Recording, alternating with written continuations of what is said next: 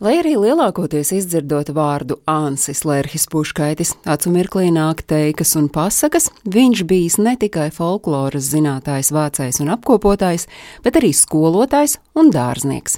Vīrs, kuru dēvē par latviešu literārās pasakas aizsācēju 19. gadsimta nogalē. Viņš sarakstījis divus pasaku krājumus bērniem, bet viņa apkopotās latviešu tautas teikas un pasakas līdz ar Krišjāņa barona Latviju dainām veido latviešu folkloru folkloras pamatus.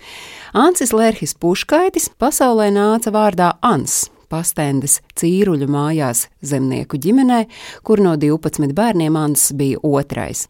Pateicoties cīruļu mājām, viņa dzimta arī tikusi pie uzvārda Lērhis, jo Lēr tulkojumā no vācu valodas ir cīrulis. Ziemas vakaros cīruļu saimnes ļaudis sanākuši vienopus un pie skalu guns katram strādājot savu darbu, vienlaikus dziedājuši, pārunājuši dienas notikumus un, protams, stāstījuši pasakas, jo māma ģērtrūde bijusi liela dziedātāja, pasaku un tautas dziesmu zinātāja. Zēns Talsu pusē dzīvojot mācījies divās nelielās privātskolās un privātajā apriņķa skolā.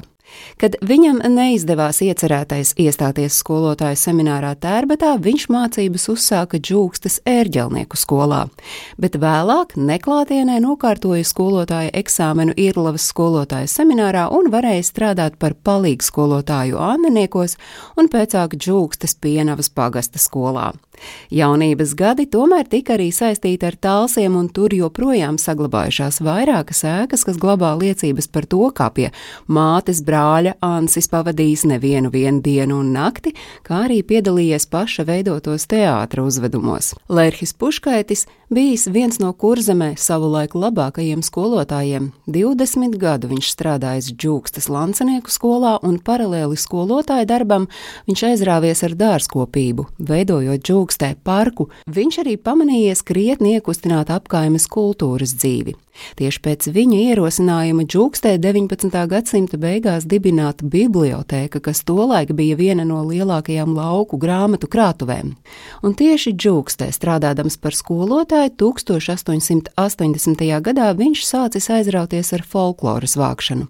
Tad arī pieņēmis pseidonīmu Puškaitis un arvien centīgāk vērsies pie sabiedrības ar aicinājumu sūtīt pasakas un teikas, kuras viņš krāja un kārtoja. Laika biedri uzsvēruši, ka viņš ir bijis ideālists, kurš uzskatījis, ka tautas gara mantas jāglābj no aizmirstības par katru cenu, un tāpēc ir vērts darbā ieguldīt pat pašam savus līdzekļus un ikdienu garas stundas pavadīt pie rakstām galda, pārakstot savākto materiālu. Turklāt skolotājs latviešu pasakas vācis ne tikai šeit, Latvijā. Viņš tās meklējas arī citviet, piemēram, Pēterburgā, kur atradās agrāk pierakstīti materiāli, kas bija jau iztulkoti vācu vai krievu valodā. Šīs pasakas tad tika tulkotas atkal latviešu mēlē, jo oriģinālu vairs nebija saglabājies. Pasaku un teiku vākšana turpinājās 20 gadus līdz pat viņa nāves stundai, kad 1903. gada 30. martā folklorists pēc ilgas sirkšanas ar diloni 44 gadu vecumā nomira. Tad latviešu avīzes rakstīja: Tikai nākotne pienācīgi rādīs, kādu paliekamu mantu Lērhis Puškaitis atdevis atpakaļ mūsu tautai, kādu stūra akmeni licis ar savu darbu priekš zinātnes un priekš tautas dzējas.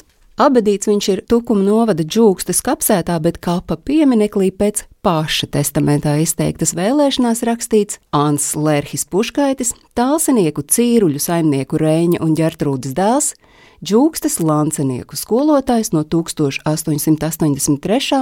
to pašu laiku latviešu pasaku darbenieks. Stāstīja Agnese Drunka.